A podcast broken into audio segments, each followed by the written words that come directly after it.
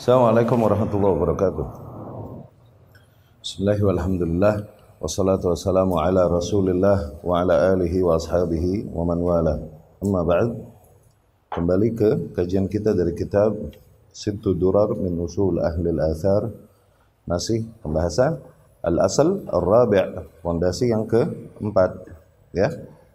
Nail as-su'dud bil ilm yaitu meraih kejayaan, kemenangan itu dengan keilmuan. Sampai perkataan Syekh Hafizahullah Faqiwamuddin bil kitabil hadi was sayfin nasir.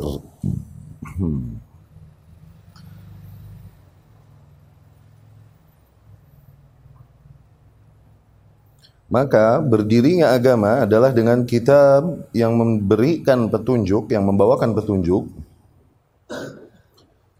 Ini masih sambungan dari kalam Syekhul Islam Ibnu Taimiyah rahimahullah. Beliau rahimahullah berkata, "Faqiwamuddin bil kitab al-hadi was saif an-nasir." Maka berdirinya agama, tegaknya agama ini adalah dengan kitab yang membawakan petunjuk dan dengan pedang ya yang menolong. Wa kafa bi rabbika hadiyan wa nasira. Dari situ Allah berfirman, cukuplah Rabbmu sebagai zat yang maha memberikan hidayah dan maha memberikan pertolongan.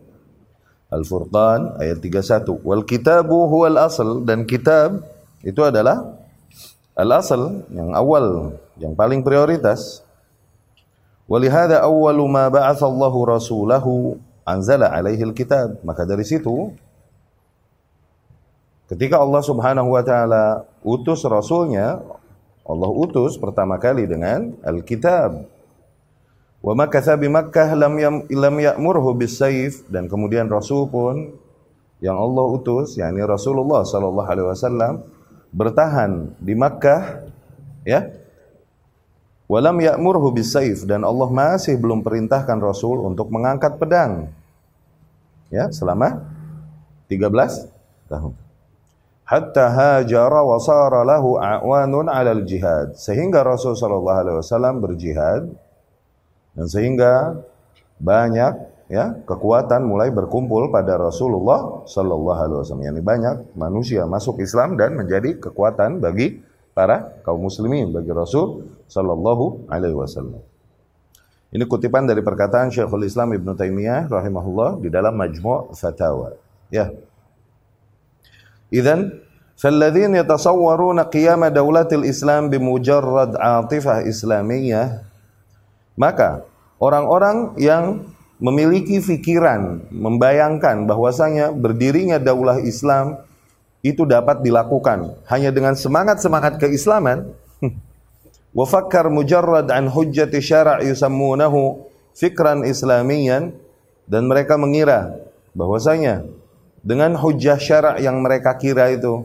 Dan mereka namai mereka namai fikran islamiyan pemikiran-pemikiran islami ya wa natfin minal ilm dan secuil ilmu yang mereka miliki yusammunaha yang mereka namai thaqafah islamiyah wawasan keislaman wa anna ta'lim dan bahwasanya ta'lim yakni kegiatan mengajarkan ilmu tauhid akidah kepada umat marhalatun qadimatun ba'daha adalah level nanti yang bisa dientarin bukan level bukan hal pertama yang diprioritaskan fahaula talibu sarab Hakikatnya orang-orang demikian adalah orang-orang yang mengejar sarab. Sarab yakni fata morgana. Ya, fata morgana, sarab. Ngigo, ini orang-orang ini pada ngigo, ya. Liannahum yatakhayalunaha bila quwwah wala asbab. Dikarenakan mereka mengkhayalkan dapat mendirikan negara daulah Islam tanpa kekuatan yang seharusnya, tanpa sebab-sebab sebagaimana Allah menjadikannya. Ya, wa ulal quwwataini quwwatud din alladhi alaihi wa'ada wa'ada Allahul mu'minina bin nasr. Dan di antara dua kekuatan inti yang diperlukan tersebut yakni kekuatan hidayah dengan ilmu yang dibawakan oleh kitabullah, okay? Dan kekuatan ba's syadid, kekuatan yang kuat yang dibawakan oleh uh, hadid, besi, yakni pedang, okay? Dan di antara dua kekuatan yang diperlukan ini dan yang paling prioritas yang harus diutamakan adalah kekuatan agama, ya. yakni kekuatan ilmu yang berkaitan dengan agama. Yang dengan itu Allah Subhanahu wa taala menjanjikan bagi kaum mukminin kemenangan, ya. Yani Allah Subhanahu wa taala menjanjikan wa'adallahu alladzina amanu minkum wa amilus salihat. Allah menjanjikan bagi orang-orang yang beriman di antara kalian dan beramal saleh, beriman yakni berakidah sesuai dengan akidah yang datang dari Rasulullah sallallahu alaihi wasallam. Dan beramal saleh, yakni beramal sesuai dengan amalan yang sesuai dengan muwafiqah sun, dengan sunnah Rasul sallallahu alaihi wasallam. Allah janjikan bagi kalian yang beriman dan beramal saleh, gitu kan? Wa'adallahu alladhina amanu minkum wa 'amilus salihat la yastakhlifannahum fil ard. Allah akan berikan mereka kuasa di muka bumi. Tuh, itu janji Allah. Asal syaratnya itu tadi iman dan amal saleh. Nah, keimanan dan amal saleh tidak dapat direalisasikan kecuali dengan ilmu. Kau mesti tahu dulu bagaimana keimanan yang memang datang, konsep akidah yang datang dari Rasulullah sallallahu alaihi wasallam. Amal saleh kau mesti tahu dulu bagaimana contoh amalan yang datang dari Rasulullah sallallahu alaihi wasallam. Maka semua proses ini harus hanya bisa dimulai dengan ilmu, ya. Dan demikian Allah menjanjikan ke kemenangan bagi mereka. Allah berfirman, "Wa kana haqqan 'alaina nasrul mu'minin." Sungguh wajib atas kami hukumnya memenangkan orang-orang yang beriman. Walihada qala Ibnu Qayyim, maka dari sinilah Al-Imam Ibnu Qayyim rahimahullah berkata, "Walamma kan jihad a'da'illah fil kharij far'an ala jihadil 'abdi nafsahu fi dhatillah." Dan ketika berjihad melawan musuh-musuh Allah di luar, yakni melawan okay, jihad dengan pedang, okay, adalah furu' cabang bentuk cabang daripada jihad seorang hamba melawan nafsnya, melawan dirinya sendiri fi dzatillah di dalam memperjuangkan nilai-nilai Allah di dalam dirinya itu jihad yang usul. Jihad yang paling utama adalah jihadul abdi nafsah. Oke? Okay? Ketika seorang hamba melawan nafsnya, melawan jiwanya sendiri. Nah, itu jihad yang u, usul. Sisanya jihad-jihad yang lain itu adalah furu' daripada jihad terse tersebut. Ya. Dan ketika berjihad melawan musuh di luar adalah cabang daripada jihadnya seorang hamba, perjuangan seorang hamba melawan nafsunya. Oke? Okay? Fi dzatillah, yakni demi memperjuangkan nilai-nilai Allah di dalam dirinya sebagaimana Nabi sallallahu alaihi wasallam katakan, "Al-mujahidu man jahada nafsahu fi taatillah." Seorang mujahid hakikatnya adalah orang yang mem, yang menjihadi nafsnya, yakni melawan nafsunya, oke? Okay? Memperjuangkan uh, nilai-nilai Allah di dalam dirinya, fi taatillah dalam rangka ketaatan kepada Allah. Ya. Mujahid hakikatnya adalah mereka yang melawan jiwanya, melawan nafsnya, melawan hawa nafsunya dalam rangka ketaatan kepada Allah wal muhajir dan seorang muhajir hakikatnya man hajara ma nahallahu anhu mereka yang meninggalkan apa-apa yang Allah Subhanahu wa taala larang darinya kana jihadun nafsi muqaddaman ala jihadil adu fil kharij wa aslan lahu maka dari hadis ini dapat kita tangkap bahwasanya jihad melawan diri sendiri melawan jiwa sendiri oke okay? itu harus lebih diutamakan adalah sesuatu yang lebih utama daripada berjihad melawan musuh di luar. Jihad melawan diri melupakan asal daripada jihad dengan pe pedang. Oke? Okay? Usulnya yang menjadi usulnya.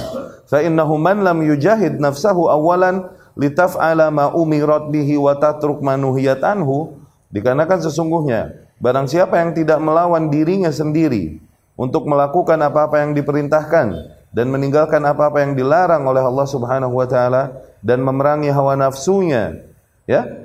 Demi meraih keridhaan Allah lam yumkinhu jihadu aduwihi fil kharij. Orang yang demikian tidak mungkin dapat membawa dirinya untuk melawan musuh-musuh yang ada di luar. Fa kaifa yumkinhu jihadu aduwihi wal intisafu minhu? Bagaimana mungkin dia dapat melawan jihad melawan musuh-musuhnya menghadapi musuh-musuhnya. Wa aduwwuhu alladhi baina jambaihi qahirun lahu. Sementara dirinya sendiri itu dia tidak dapat kontrol dia tidak dapat taklukan. Mutasallitun alaihi dia dikontrol oleh hawa nafsunya didominasi oleh hawa nafsunya. Lam yujahidhu dia tidak memerangi hawa nafsunya. Lam yuharibhu dia tidak memeranginya. Fillah demi meraih keridhaan Allah bal la yumkinhu al khuruj ila aduwihi. Bahkan lebih jauh lagi, tidak mungkin ia dapat keluar melawan musuh-musuhnya hatta yujahida nafsahu alal khuruj. Sehingga dia paksakan dulu dirinya untuk berani dan mau keluar berkorban demi membela demi berperang berjihad membela jalan membela agama Allah. Jadi jihad yang paling standar yang paling awal ya yang terkena kewajibannya setiap hamba adalah Jihad melawan diri sendiri ya, melawan hawa, melawan hawa, baik hawa e, sifatnya nafsu ataupun syub, syubhat. Ini jihad yang ini yang paling uta, utama. Adapun jihad-jihad yang lain, dengan itu seorang hamba mengangkat pedang dan lain-lain. Ini sifatnya sebenarnya bukan usul, bukan yang main pointnya nggak di situ. Ya, itu furu' daripada jihad melawan hawa sendiri, ya. Fahadhani aduwan qad imtuhina al-'abdu bi Nah, dua musuh ini setiap hamba itu diuji untuk melawannya. Dua musuh ini apa? Syubhat dan syahwat. Ya. Wa bainahuma aduwwun thalith dan ketahuilah bahwasanya ada musuh yang ketiga.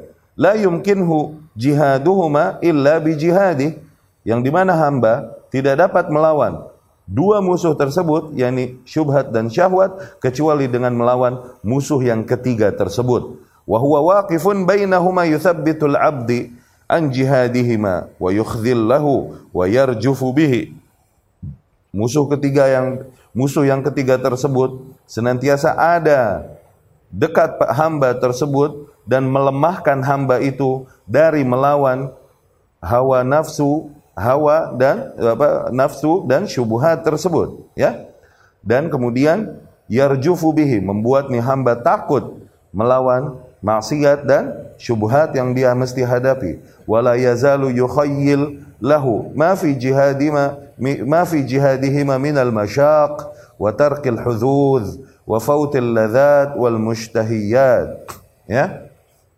Dan masih saja selalu musuh yang ketiga ini memberikan pemikiran-pikiran yang begitu berat pada seorang hamba bahwasanya apabila seorang hamba melawan hawa nafsunya, okay, melawan syubhat dan syahwatnya maka dia akan mengalami kesulitan-kesulitan yang berat, dia akan kehilangan nikmat-nikmat duniawi dan kehilangan posisi-posisi, kehilangan apa-apa yang dia cintai di dalam dunia ini dikarenakan melawan syubhat dan syah, syahwat, ya. Terus saja musuh ketiga ini membisik-bisikan keraguan demikian yang melemahkan hamba. Musuh ketiga ini adalah wahwa asyaitan, yaitu syai syaitan yang terus menggoda manusia dari sisi syubhat atau sisi syah syahwat dan terus membisikkan manusia dengan bisikan-bisikan yang melemahkan manusia. Ya. Qala ta'ala Allah Subhanahu wa taala berfirman, "Inna syaitana lakum aduwwun fattakhidhu fattakhidhuhu aduwwa." Sesungguhnya syaitan adalah musuh bagi kalian. Maka sikapilah ia sebagaimana musuh. Jadikanlah ia, yakni sikapi syaitan sebagai musuh. Ya.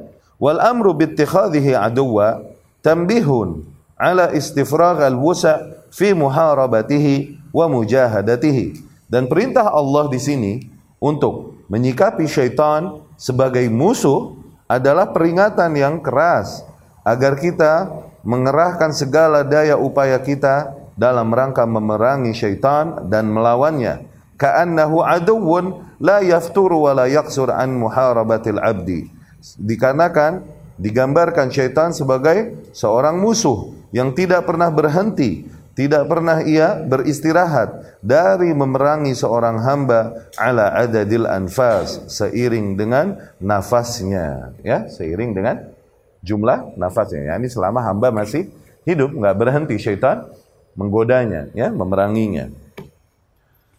Itu perkataan Al-Imam Ibnul Qayyim Al-Jauziyah rahimahullah, ya, yang menjelaskan betapa berjihad melawan diri sendiri itu adalah usul dan perjuangan-perjuangan, bentuk-bentuk perjuangan lain adalah bentuk furu' daripada jihad ini, ya. Inilah yang dimaksud dengan juga bersabar, ya. Bersabar adalah dari segala aspeknya, sabar atas apa-apa yang Allah perintahkan. Tuh, dikarenakan apa?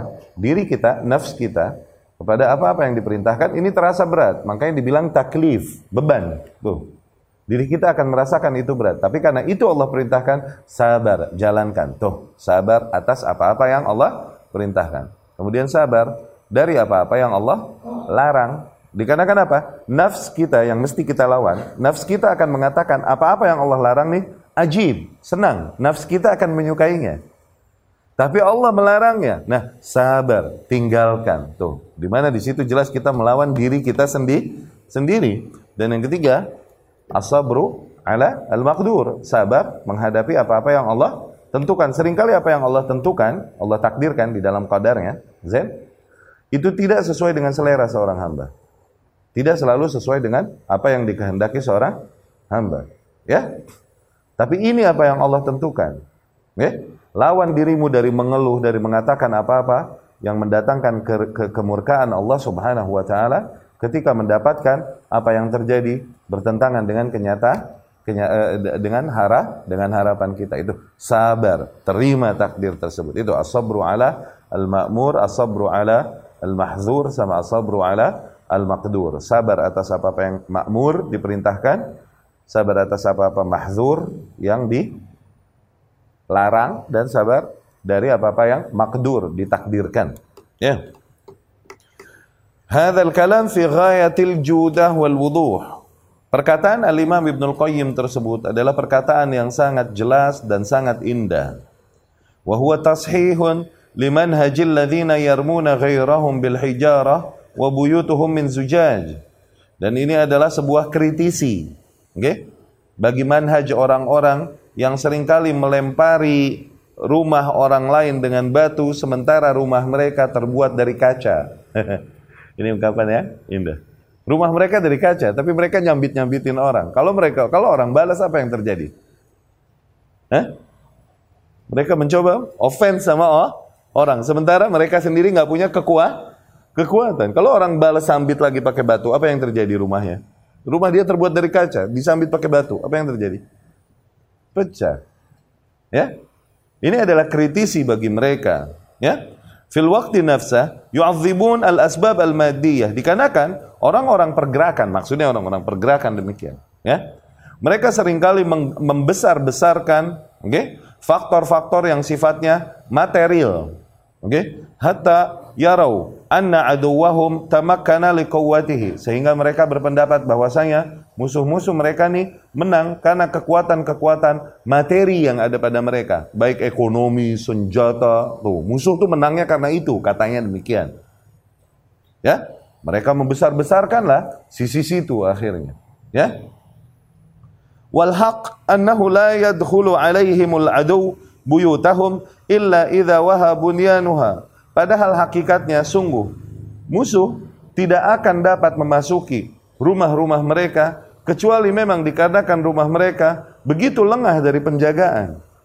Ya, bukan karena musuh yang kuat, tapi karena memang engkau yang lemah. Kita ini kalah kaum muslimin bukan karena musuh yang kuat lah. Kaum muslimin pernah menghadapi musuh yang lebih dahsyat tapi tetap menang.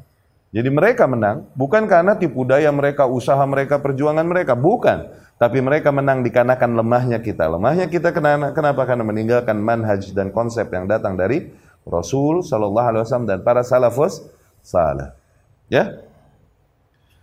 La yanhazim al muslimun liquwati adu aduwihim tuh. Kaum muslimin tidaklah kalah dikarenakan kekuatan musuh-musuh mereka, bukan walakin li dha'fi imanihim. Kaum muslimin itu kalah dikarenakan lemahnya iman mereka hatta walau ariyat aydihim minal asbab ba'da bazlil wusa kafahumullahu ma nabahum. Tuh. Padahal kalau kaum muslimin memiliki kekuatan iman dan mereka tidak memiliki sebab-sebab duniawi untuk melawan musuh-musuh mereka tapi mereka memiliki kekuatan iman, niscaya Allah Subhanahu wa taala akan menjaga mereka. Allah sendiri yang akan memenangkan dan menjaga mereka. Kalaupun kita nggak punya power senjata, nggak punya power ekonomi, tapi kita punya power keimanan. Nggak? Akidah yang sahih, tauhid yang sahih, manhaj yang sahih. Niscaya Allah sendiri yang akan menjaga serangan-serangan musuh dari para kaum muslimin. Ya, Ibnu Taimiyah rahimahullah berkata, "Wa min sunnatillahi anna man anna man lam yumkinil mu'minuna ay yu'adzibuhu minal ladzina yu'dzuna Allah wa rasulah fa inna Allah subhanahu yantaqim minhu li rasulihi wa yakfihi iya. Tuh, dikarenakan memang termasuk sunnatullah. Tuh, memang sunnatullah berjalan yang alam semesta demikian. Yang termasuk sunnatullah adalah orang-orang yang tidak mungkin kaum mukminin mengazab mereka. Kaum mukminin nggak punya kekuatan untuk mengazab mereka. Mereka telah menghina, menyakiti Allah dan Rasulnya. Harusnya kaum mukminin mengazab mereka. Oke? Okay? Tapi kita di luar kuasa kita, kita nggak punya daya nggak punya kuasa untuk mengazab dan mengingkari, memerangi mereka. Ya, kalaupun mereka telah menghina Allah dan Rasulnya. Nah, sunnatullah yang berjalan di alam semesta, orang-orang demikian, fa inna Allah subhanah yantakim minhu li rasulihi wa yakfihi iya. Maka Allah sendiri yang akan membela Rasulnya dan akan menuntut dendam, membalas dendam kepada orang-orang yang menyakiti Allah dan Rasulnya. Nggak perlu manusia. Kalau kaum mukminin nggak punya kekuatan untuk membalasnya, Allah yang turun tangan beresin. Ya? Kama qaddamna ba'dha dzalika fi, fi qissah al-kitab al-muftari. Sebagai al-kutab al-muftari sebagaimana kita telah jelaskan kasus-kasus demikian, oke? Okay? Kasus-kasus demikian uh, yang terjadi pada al-kutab al-muftari, yakni para penulis-penulis yang pendusta, ya. Ini pernah diceritakan oleh Syekh Hafizahullah tentang fenomena alam terjadinya hal demikian ya. Dan sebagaimana Allah pun menegaskan hal itu. Fasda' bima tu'mar wa a'rid 'anil musyrikin. Allah perintahkan kepada Rasul dan perintah kepada Rasul adalah perintah kepada para kaum muslimin. Fasda' bima tu'mar. Terus saja perjuangkan programmu yang Allah perintahkan engkau untuk selesaikan. Tuh. Apa yang kau diperintahkan, terus perjuangkan itu saja. Bereskan apa yang kau diperintahkan. Fokus ke situ. Wa a'rid 'anil musyrikin. Berpalinglah kau dari kaum musyrikin. Yakni jangan layanin kelakuan mereka, celaan mereka, makian mereka, jangan layanin. Teruskan saja lakukan apa yang kau diperintahkan. Oke? Okay? Jangan pusing sama yang demikian. Terus maju, jangan hiraukan yang menggonggong di kiri dan ka kanan. Terus maju. Fasda' bima tu'mar wa a'rid 'anil musyrikin. Inna kafainakal mustahzi'in. Sesungguhnya kami sendiri yang akan membalaskan bagimu orang-orang yang mencela. Ya. Yani orang-orang yang mencelamu, kami sendiri yang akan membalaskannya. Tuh, bagimu. Ya. Illam tansuruhu faqad nasarahullah. Tuh. Apabila kalian tak mampu menolong Rasul, maka Allah yang akan menolongnya. Sebagaimana kisah yang pernah diriwayatkan juga Imam Zahabi rahimahullah dan lain-lain. Pernah kita ceritakan. Oke? Okay? Ketika Tatar dan fitnahnya menguasai negeri-negeri kaum muslimin di Syam, di Syam. Oke? Okay? Nah, Tatar ini juga membawa misi misi tansir, kristenisasi waktu itu. Jadi orang-orang Kristen bergabung bersama Tatar menginvasi negeri-negeri kaum muslimin kemudian menyebarkan ah, program kristenisasi mereka di negeri-negeri Syam. Dulu nih, dulu. Oke? Okay? Suatu hari tersebutlah seorang di antara pembesar Mongol atau Tatar ini Tanassar, masuk Kristen. Oke? Okay? Aqadulahu haflah azimah. Kemudian mereka mengadakan perayaan yang besar luar biasa dalam rangka apa? Berkristennya nih pembesar Mongol, pembesar Tatar ini. Oke? Okay? Pada saat itu Qama rahib, seorang rahib, pendeta, berdiri dan berkhutbah di dalam acara itu. Ketika di dalam khutbahnya tersebut dia mencela-cela Muhammad sallallahu alaihi wasallam, mencela-cela Rasulullah sallallahu alaihi wasallam. Ya? Ni, ni Mongol, ni Tatar, okay? ni pembesar Mongol ini punya anjing. Anjing ini sadis. Tapi ini anjing dirantai ke tembok, ditancap ke tembok. Berada di sampingnya sini. Galak nih anjing. Sadisnya anjing. Oke? Okay? Anjing peliharaan nih pembesar Mongol. Ketika mendengar pendeta tersebut mencela-cela Rasulullah Sallallahu Alaihi Wasallam, tiba-tiba anjing itu marah sehingga terlepas rantai itu dari tembok dan kemudian lompat dia dan menggigit pendeta tersebut dengan gigitan yang begitu sulit dilepaskan. Namun mereka akhirnya dapat melepaskan gigitan tersebut. Ah, lepas juga. Orang-orang yang ada di sana berkata, "Hadza li'annak sababta Rasulullah." Ini sababta Muhammad. Ini dikarenakan engkau mencela-cela Muhammad. Oke? Okay? Tapi ini pendeta bilang apa? La, al-kalb azizun nafs. Enggak. Ini anjing emang terlalu waspada aja. Dia melihat aku bersuara lantang dan mengangkat tangan, dia merasa terancam, kemudian dia serang aku. Kata ini pendeta. Oh begitu? Zen, ya khair. Akhirnya ditancap lagi, dirantai lagi nih anjing, ditancap lagi ke tempat yang baru, lebih kuat dong. Iya kan? Zen. Nggak lama setelah tenang kondisi dan situasi, oke, okay, kembali nih pendeta berkhutbah lagi. Dan di dalam khutbahnya kembali dia mencela-cela Muhammad sallallahu alaihi wasallam. Ini anjing kembali marah lagi. Putus lagi rantai tersebut dan lompat digigit lehernya. Tuh kali ini lehernya. Oke? Okay? Digigit dia sampai mati di tempat nih pendeta. Mati di tempat. Zen. Al-Imam Az-Zahabi dan lain-lain yang mengkisahkan riwayat ini dia berkata nih, dia berkata, dengan kejadian itu, kejadian itu, arba'in alf, 40 ribu manusia masuk Islam seketika. Beriman kepada Rasulullah SAW. Siapa yang kuat melawan power Tatar, power Mongol pada saat itu nggak punya kuasa kaum muslimin. Sehingga ketika di antara mereka ada yang mencela-cela Rasul, kaum muslimin nggak punya kuasa untuk mengazabnya, ya kan? Dikarenakan penghinaan kepada Rasul adalah kekufuran yang murni. Dia mau tobat mau enggak terserah urusan dia sama Allah.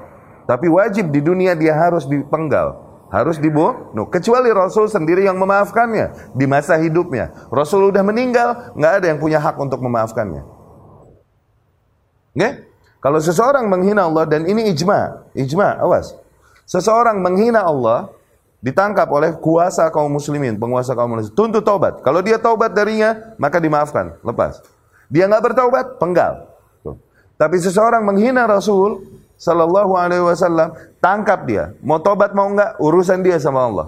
Harus tetap dipenggal. Tuh, ijma. Oke? Okay? Al-Imam Al-Za'i, Auza'i, Ibnu Abdul Bar, Imam Malik rahimahumullah dan lain-lain. Ada ini di, dijelaskan oleh Ibnu Taimiyah di dalam kitab As-Sarim Al-Battar. Illahnya apa ini? Illah hukumnya kok bisa? Kok seolah-olah kita lebih membela Rasul daripada membela Allah? Iya kan? Illahnya jelas. Allah zat yang maha mulia. Kalaupun semua makhluk di muka bumi di setiap zaman menghina Allah nggak berefek, nggak ada cerita nama baik Allah, nggak ada nggak akan tercoreng kemuliaannya. Iya kan? Kalaupun semua makhluk kafir dan mencela Allah, apakah berkurang kemuliaan Allah? Nggak ngaruh. Berbeda dengan Muhammad. Muhammad bashar, human being, manusia biasa. Bisa rusak nama baiknya ketika ada yang merusaknya. Sementara kebaikan namanya berkaitan dengan kebenaran yang datang dari Allah subhanahu wa ta'ala. Banyak kejadian-kejadian demikian di masa sahabat radhiyallahu anhum dan di masa-masa salaf. Zain? Akhirnya uh, ini janji Allah Subhanahu wa taala. Ketika para kaum muslimin nggak punya power untuk apa?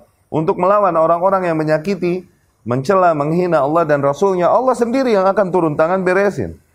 Allah gunakan makhluk-makhluk yang lain, nggak mesti manusia, anjing Allah jadikan untuk membalas dendam tersebut. Bisa jadi nggak? Bisa jadi. Iya kan? 40 ribu manusia masuk Islam seketika. Dari kejadian tuh anjing itu. Okay? Ini maksudnya apa? Illam tansuruhu faqad nasarahullah. Apabila kalian tak membelanya, yang tak membela Rasul sallallahu alaihi wasallam sebagai seorang individu. Kalian tak punya kuasa, entah takut untuk membelanya dari orang-orang yang mencelanya. Kalian tak punya kuasa, entah takut dari orang-orang yang mengotori sunnahnya, mencela sunnahnya dan dan mengaburkan sunnahnya dari manusia dengan bid'ah dan syubhat. Kalian tak punya power untuk melawan itu, untuk mengingkari itu. Allah sendiri yang akan turun tangan beresin. Yani keuntungannya atau kerugiannya ketika kau berkorban untuk Rasul hanya bagimu. Allah tak membutuhkan pengorbananmu. Allah bisa melakukan itu semua. Namun tetap ingin dilihat di antara hamba-hambanya mana yang mau berkorban untuk membela Rasulnya Sallallahu Alaihi Wasallam, agamanya, sunnah Rasulnya Sallallahu Alaihi Wasallam. Dengan mengingkari kesyirikan, mengingkari bid'ah dan syubhat. Itu. Ya. Fasda' bima tu'mar wa a'rid 'anil musyrikin. Teruslah maju dengan programmu, yakni dengan apa yang kau diperintahkan atasnya. Terus maju dengan lakukan, laksanakan saja apa yang kau diperintahkan terus wahai Muhammad. Enggak usah kau urusi, a'rid, berpalinglah dari orang-orang musyrikin yang menghinamu, mencelamu, menggunjingmu, memfitnahmu, begitu ya. A'rid, berpaling dari mereka. Yakni enggak usah urusin mereka, enggak usah pusingin mereka. Inna kafainakal mustahzi'in. Kami sendiri yang akan membalaskan bagimu tu orang-orang yang mencela-celamu, menghina-hinamu. Ya? Wa qala Ibnu Al-Qayyim, Al-Imam Ibnu Al-Qayyim rahimahullah pun berkata, "Tallahi demi Allah, ma ada 'alaika al-aduwwu illa ba'da an tawalla 'anka al-wali." Ya, ajib. Sungguh tidaklah musuh dapat menghancurkanmu kecuali hanya dikarenakan sang wali telah berpaling darimu. Wali ini penjaga. Tidaklah musuh dapat masuk ke areamu dan menghancurkanmu, melakukan, menimpakan maudurat atasmu, kecuali hanya dikarenakan sang penjaga telah berpaling meninggalkanmu. Ya? Fala tadhunna anna syaitan ghalab. Maka jangan pernah kau mengira bahwasanya syaitan yang menang. Bukan. Walakinnal hafiz a'rad. Tapi zat yang menjagamu yang telah berpaling darimu. Sehingga syaitan bisa masuk. Ya? Wa qad arafta annaka tuhram rabbik idza taraktal ma'mur dan kau telah sadari, fahami bahwasanya kau tidak akan mendapatkan perlindungan dari Rabbmu apabila kau meninggalkan apa-apa yang diperintahkannya wa raqibtal mahdzur apabila kau melakukan apa-apa yang dilarangnya Kama annaka mansur, sebaliknya sebagaimana engkau pun mengetahui bahwa kau akan mansur, senantiasa ditolong dan menang. Bihifdzikallaha fi amrihi wa. Apabila kau terus menjaga Allah pada perintah-perintahnya dan larangan-larangannya. Fa'adal aslu ilal ilm. Maka semua fenomena ini dan kenyataan ini kembali kepada hakikat wajibnya keilmuan. Liannahu la yu'raf al-amru wan nahyu. Dikarenakan tidaklah kita dapat mengetahui mana yang Allah perintahkan, mana yang Allah larang illa bihi kecuali hanya dengan ilmu. No, maka kemenangan, kejayaan, penjagaan, pertolongan Allah itu dengan apa? Dengan ilmu dulu. Baru kita bisa mendatangkan itu semua. Ada pun orang-orang pergerakan, enggak ilmu belakangan, yang penting sampai dulu ketampuk kekuasaan. Mereka lakukan segala cara. Lucu nih orang. Lucu. Ya. Latifah. Ada sebuah latifah. Latifah yani uh, di sini dalam hal ini adalah riwayat-riwayat yang membawakan faidah yang aji. Ani Zubair ibn Adi qal ia berkata dari Zubair bin Adi dia berkata Dakhalna ala Anas ibn Malik radhiyallahu anhu suatu kali suatu hari kami mampir kepada Anas bin Malik radhiyallahu anhu. Fasyakawna ilaihi ma nalqa minal hajjaj. Kemudian kita mengeluh kepada Anas bin Malik akan kelakuan Al-Hajjaj bin Yusuf Al-Thaqafi. Hajjaj bin Yusuf. Penguasa yang bertangan besi dan begitu boros. Boros apa? Ngabisin duit? Bukan. Boros numpahin darah. No, borosnya boros numpahin darah. Nggak nanggung. Sahabat juga dihajar. Serusak-rusaknya penguasa kita. Segitunya nggak? Eh? Hajjaj bin Yusuf al-Thaqafi. Ya? Penguasa bertangan besi yang begitu boros menumpahkan darah manusia. Hajjaj bin Yusuf. Kami mendatangi Anas bin Malik, kemudian kami mengeluh kepadanya akan sikap dan tekanan Hajjaj pada kita.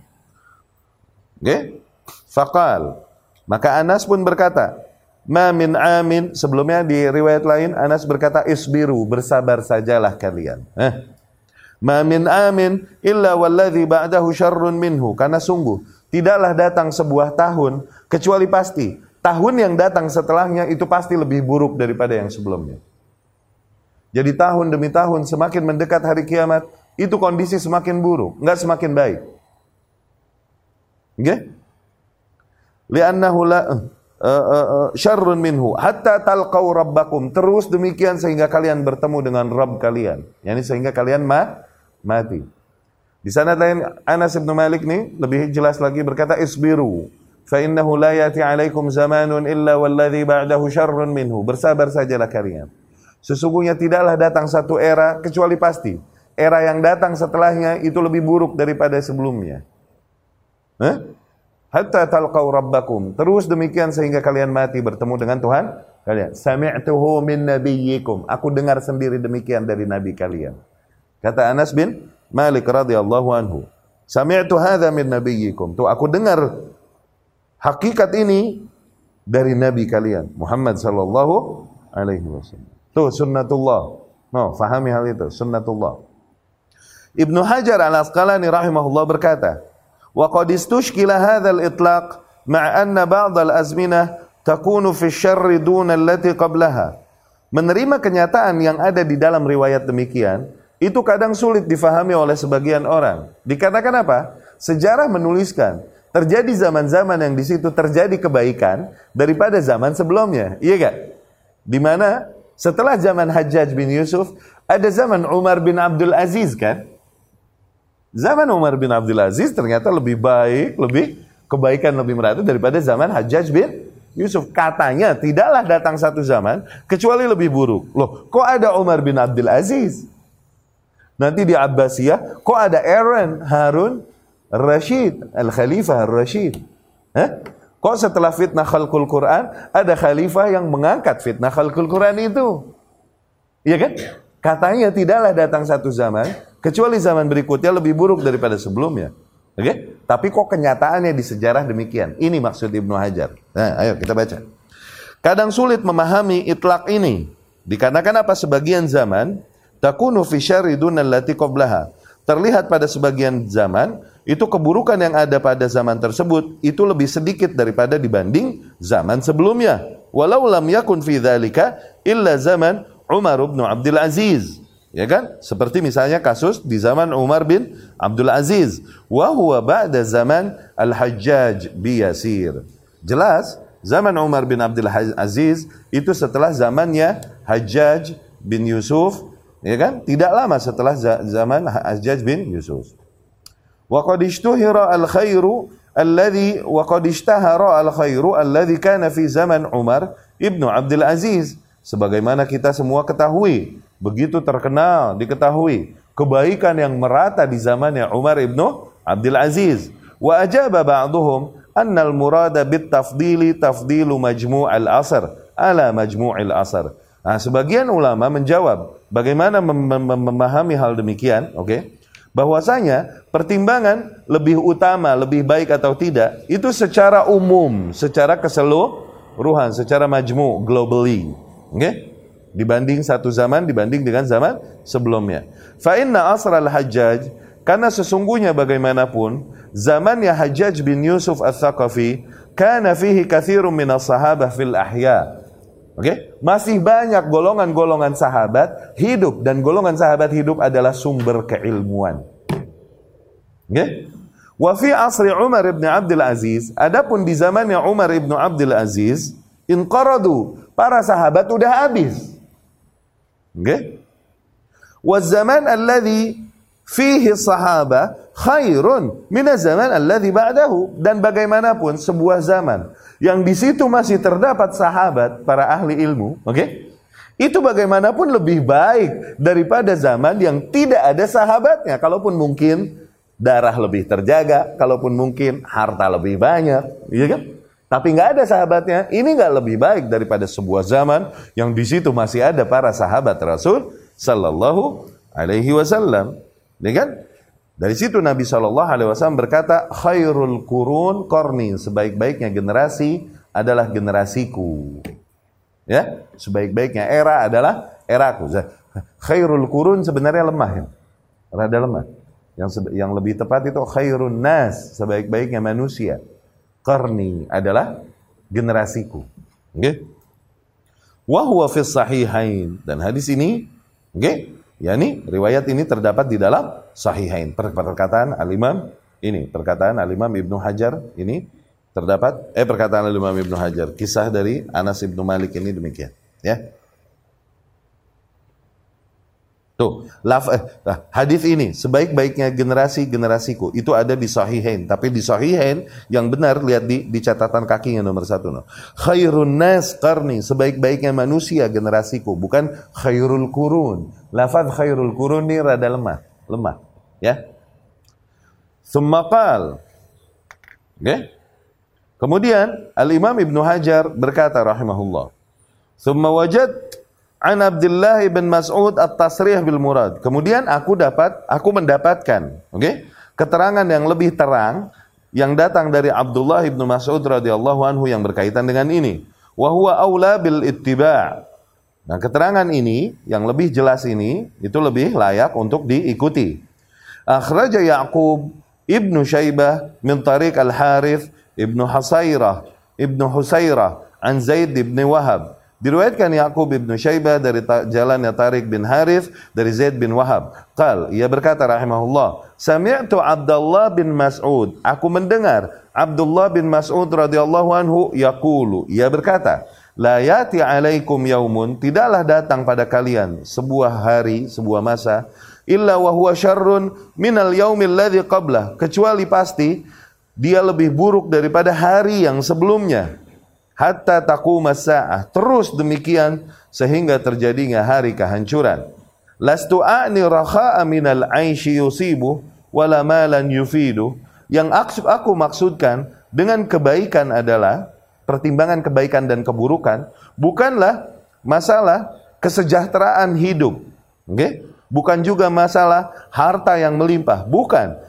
Walakin la yati alaikum yaumun tapi tidaklah datang pada kalian sebuah masa illa wa huwa aqallu ilman kecuali pasti di masa itu ilmu yang ada lebih sedikit minal yaumil ladzi madha qablah daripada masa yang telah berlalu sebelumnya. Fa idza dhahabal ulama maka Apabila para ulama telah pergi, para ahli ilmu telah pergi, istawan nas, maka para manusia pun berada selevel semuanya. Fala ya'murun bil ma'ruf wala yanhauna 'anil munkar, maka tak lagi mereka beramar ma'ruf, tak lagi mereka bernahi mungkar. Fa inda dzalika yahlakun. Maka ketika demikian itulah terjadi kehancuran atas mereka. Maka pertimbangan kebaikan dan keburukan bukan pada kesejahteraan hidup, Hah? Tingkat moneter dan lain bukan, tapi pada keberadaan keberat, meratanya hidayah karena banyaknya ahli ilmu yang membawakannya.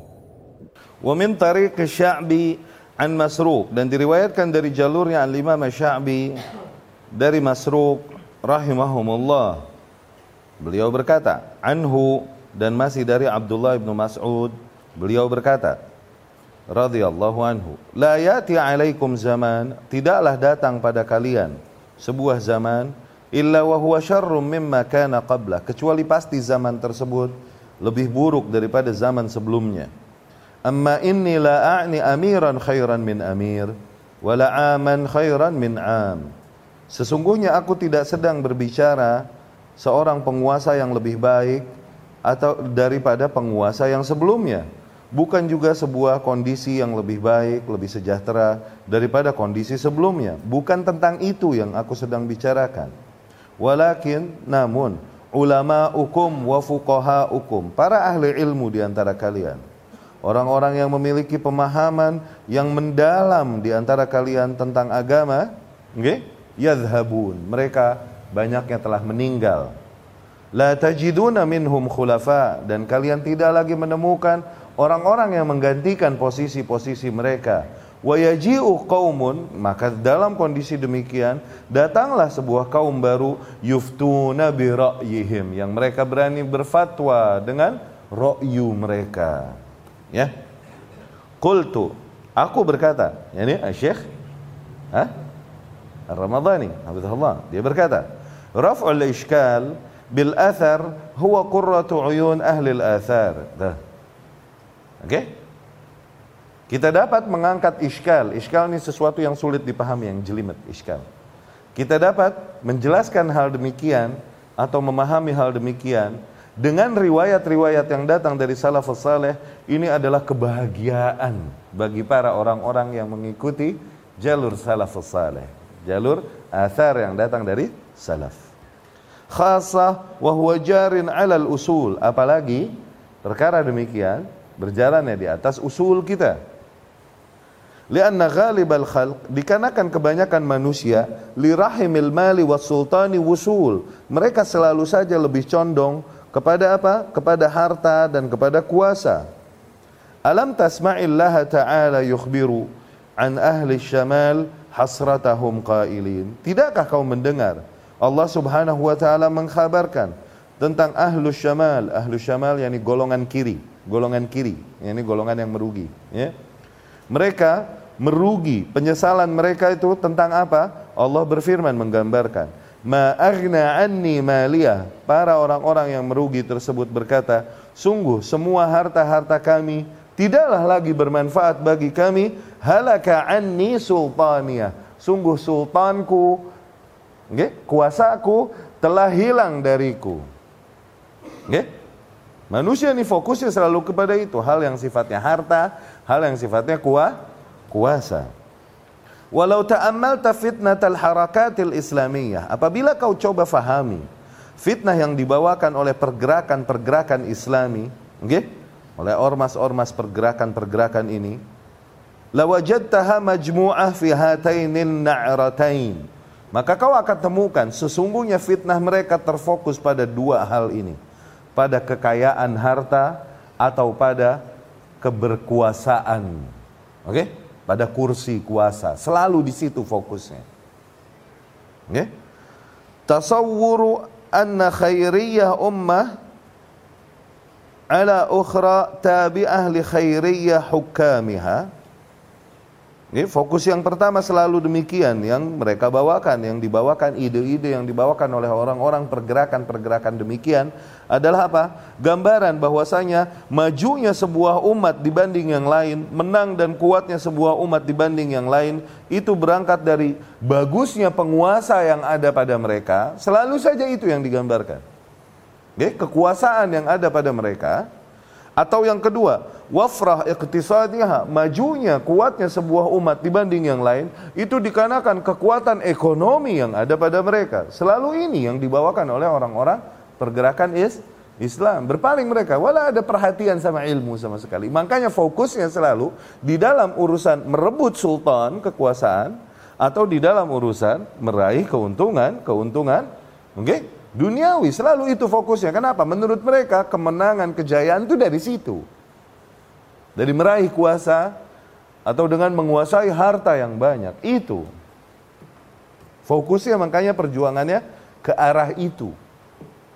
Bodoh amat orang mau syirik, mau bid'ah nggak apa-apa. Yang penting bersatu, sumbangin suara untuk kita. Tuh. Jadi kan mau di atas manhaj yang hak, mau di atas manhaj yang batil, nggak apa-apa. Yang penting bersatu.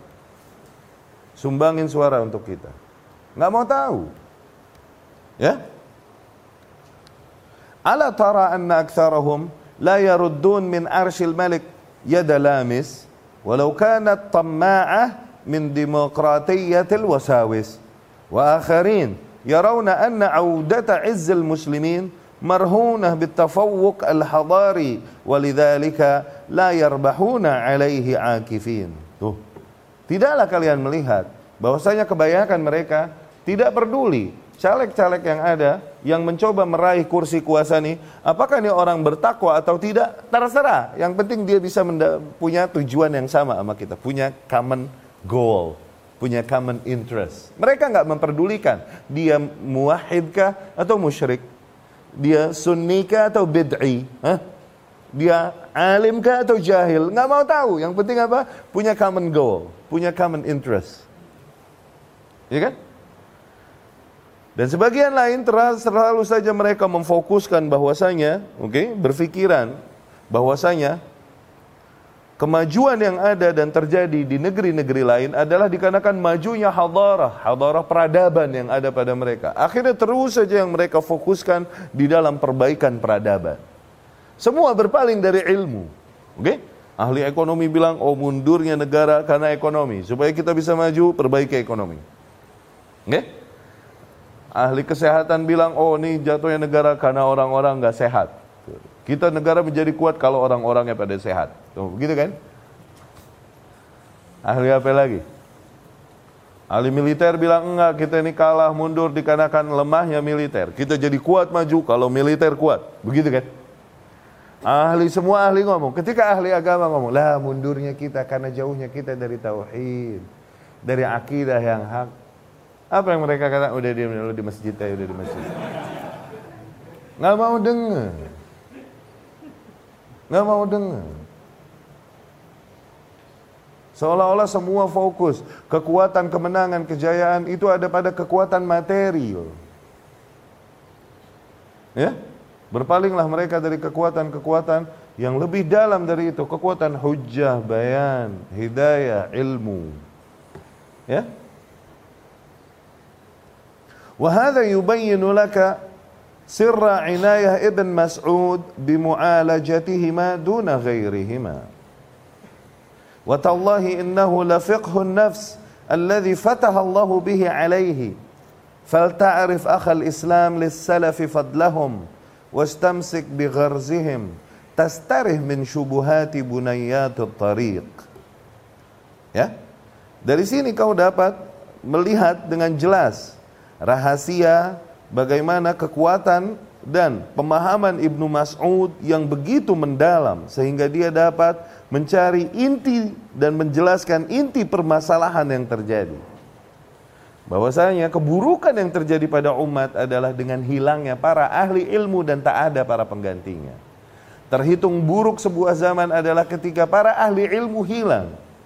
Bukan ketika jatuhnya nilai ekonomi, bukan ketika buruknya penguasa, bukan, tapi tak adanya orang-orang yang membawakan hidayah yang hak dari Allah dan Rasulnya Sallallahu Alaihi Wasallam. Tak ada pengganti mereka. Oke? Okay?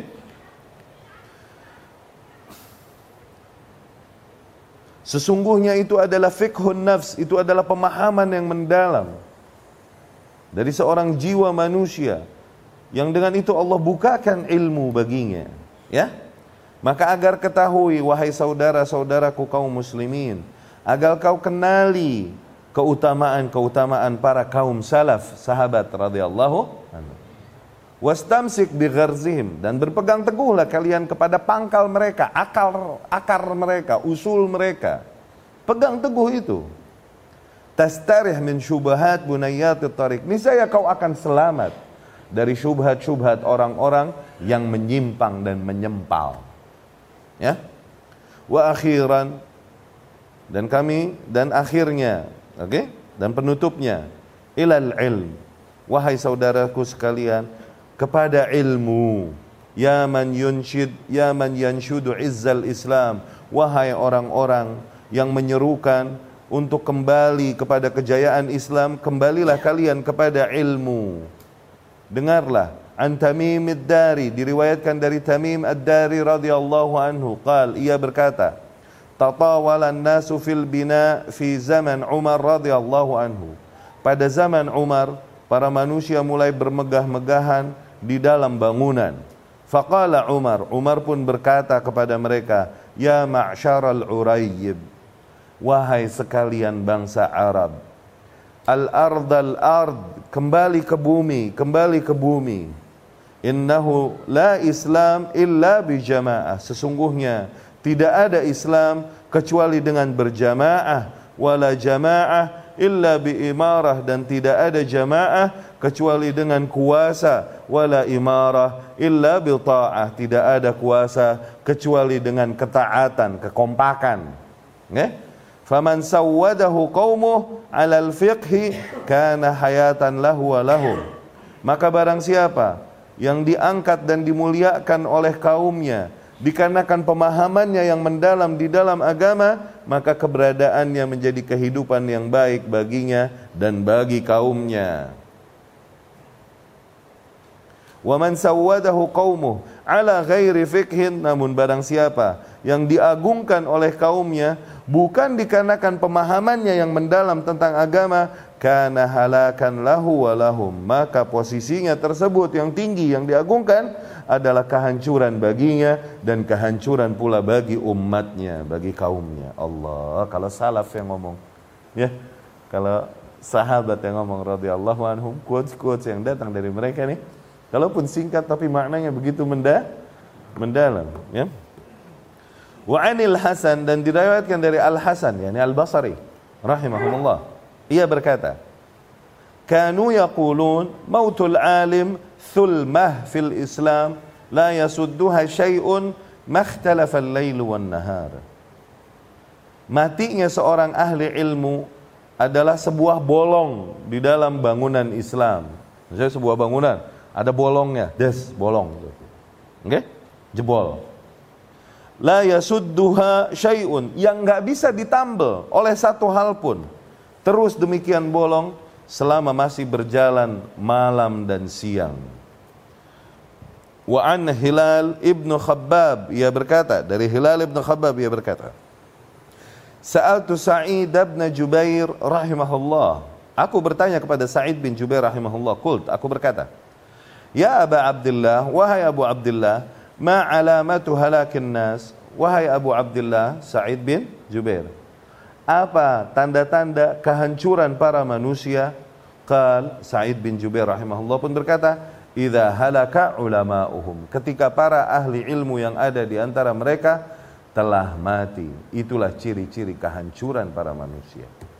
Ya. Simam al-aman minal kufri wal hazimah bittiba'il kitab wa sunnah. Ah. Okay, bagian selanjutnya yang masih usul ini, okay, adalah pembahasan tentang bab Simam al-aman minal kufri wal hazimah, benteng keamanan, okay? Antibodi dari kekufuran. Okay? dan kekalahan, kemunduran okay, adalah dengan mengikuti kitabullah dan sunnah Rasul